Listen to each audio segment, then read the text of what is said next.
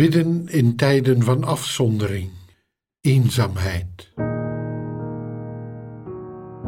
Podcast 8 Op weg gaan met herinneringen.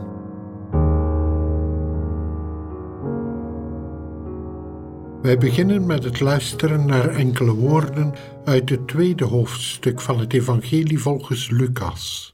Een lezing die ons naar de stal in Bethlehem brengt en naar de aanwezigheid van het kindje Jezus. Toen de engelen waren teruggegaan naar de hemel, zeiden de herders tegen elkaar: Laten we naar Bethlehem gaan om met eigen ogen te zien wat er gebeurd is en wat de Heer ons bekend heeft gemaakt. Ze gingen meteen op weg en troffen Maria aan en Jozef en het kind dat in de voederbak lag. Toen ze het kind zagen, vertelden ze wat hun over dat kind was gezegd. Allen die het hoorden stonden verbaasd over wat de herders tegen hen zeiden, maar Maria bewaarde al deze woorden in haar hart en bleef erover nadenken. De herders gingen terug, terwijl ze God loofden en prezen om alles wat ze gehoord en gezien hadden, precies zoals het hun was gezegd.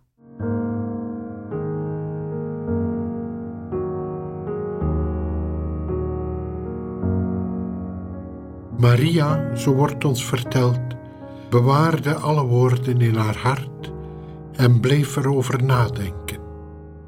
Zij herinnerde het zich. Voor Paus Franciscus is het herinneren van groot belang in het leven van een leerling van Jezus. Het is wat ons de kracht geeft om vooruit te gaan. Het belang van de herinnering is een van zijn geliefde thema's waar hij steeds weer op terugkomt in wat hij schrijft en in de gesprekken die hij voert. De paus heeft een bijzonder soort herinneren in gedachten. Hij heeft het over deuteronomisch geheugen. Dat was het soort herinnering waarmee Mozes in het boek Deuteronomium de Israëlieten bemoedigde na hun bevrijding uit de slavernij in Egypte toen ze op weg waren naar het beloofde land. De kracht om door te gaan met hun reis zou voortkomen uit het feit dat ze dankbaar terugkeren en zich met dankbaarheid herinnerden alles wat God voor hen had gedaan. God die in het verleden bij hen is geweest, is de God die met hen naar de toekomst zal meegaan. Paus Franciscus zegt dat wij in dankbaarheid twee soorten ervaringen moeten herinneren. Ten eerste moedigt hij ons aan om terug te kijken en al die momenten te onthouden waarin wij Jezus in ons leven tegenkwamen. Denk terug, zegt hij, aan de beginjaren, toen je voor het eerst over Christus leerde. Vergeet deze momenten niet, want het zijn ervaringen van inspiratie. Wij dragen allemaal deze momenten in ons hart, schrijft de paus. Laten wij ze koesteren. Pauzeer nu even, sta stil en denk terug aan een van die momenten, waarop je voor het eerst over Jezus leerde en koester dat moment.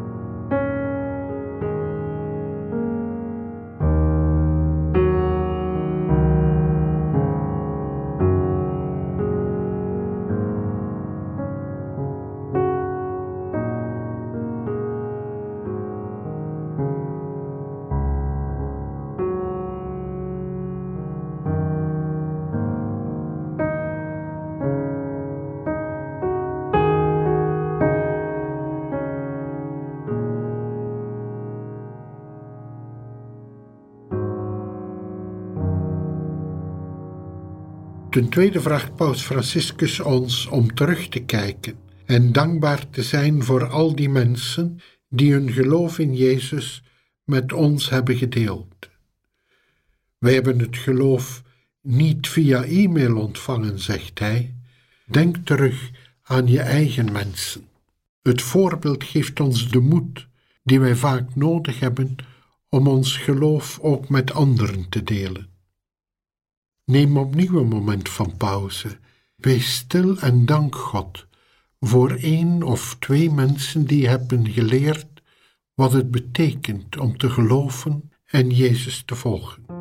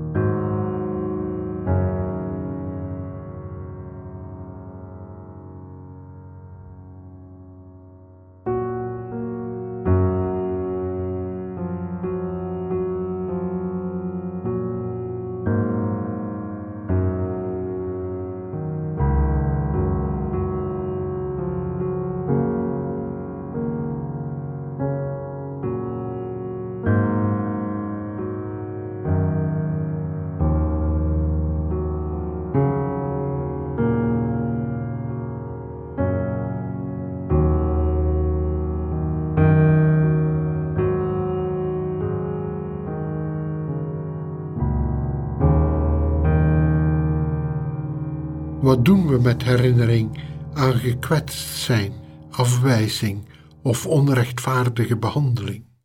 Herinneringen die nog te pijnlijk zijn om aan te raken. De paus nodigt ons uit om ze toch eens te bekijken, maar dan wel in het gezelschap van Jezus. Hij die vrede, barmhartigheid, verzoening en vergeving brengt. Pauzeer opnieuw een moment.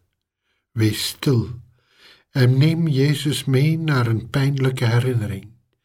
Vraag Hem dat Hij ze met zijn vrede, zijn barmhartigheid, zijn verzoening en zijn vergeving beademt.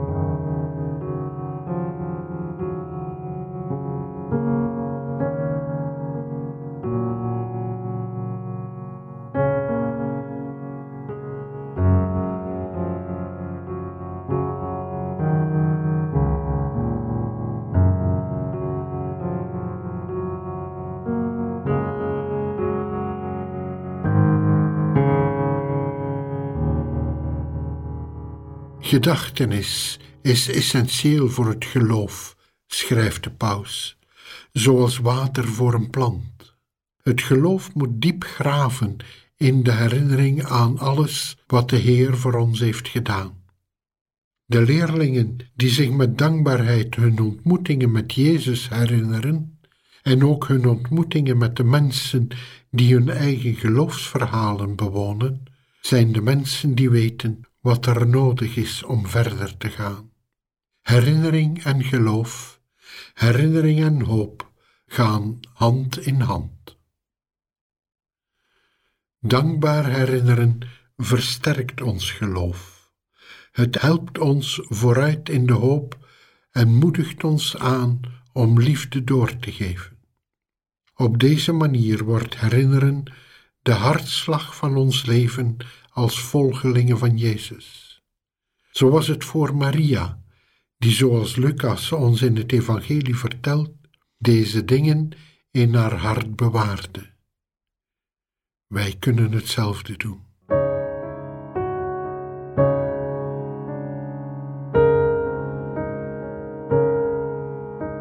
Laten wij tenslotte bidden voor hen die ziek zijn en voor hen die voor hen zorgen voor hen die gestorven zijn en voor hen die rouwen, voor hen die angstig zijn.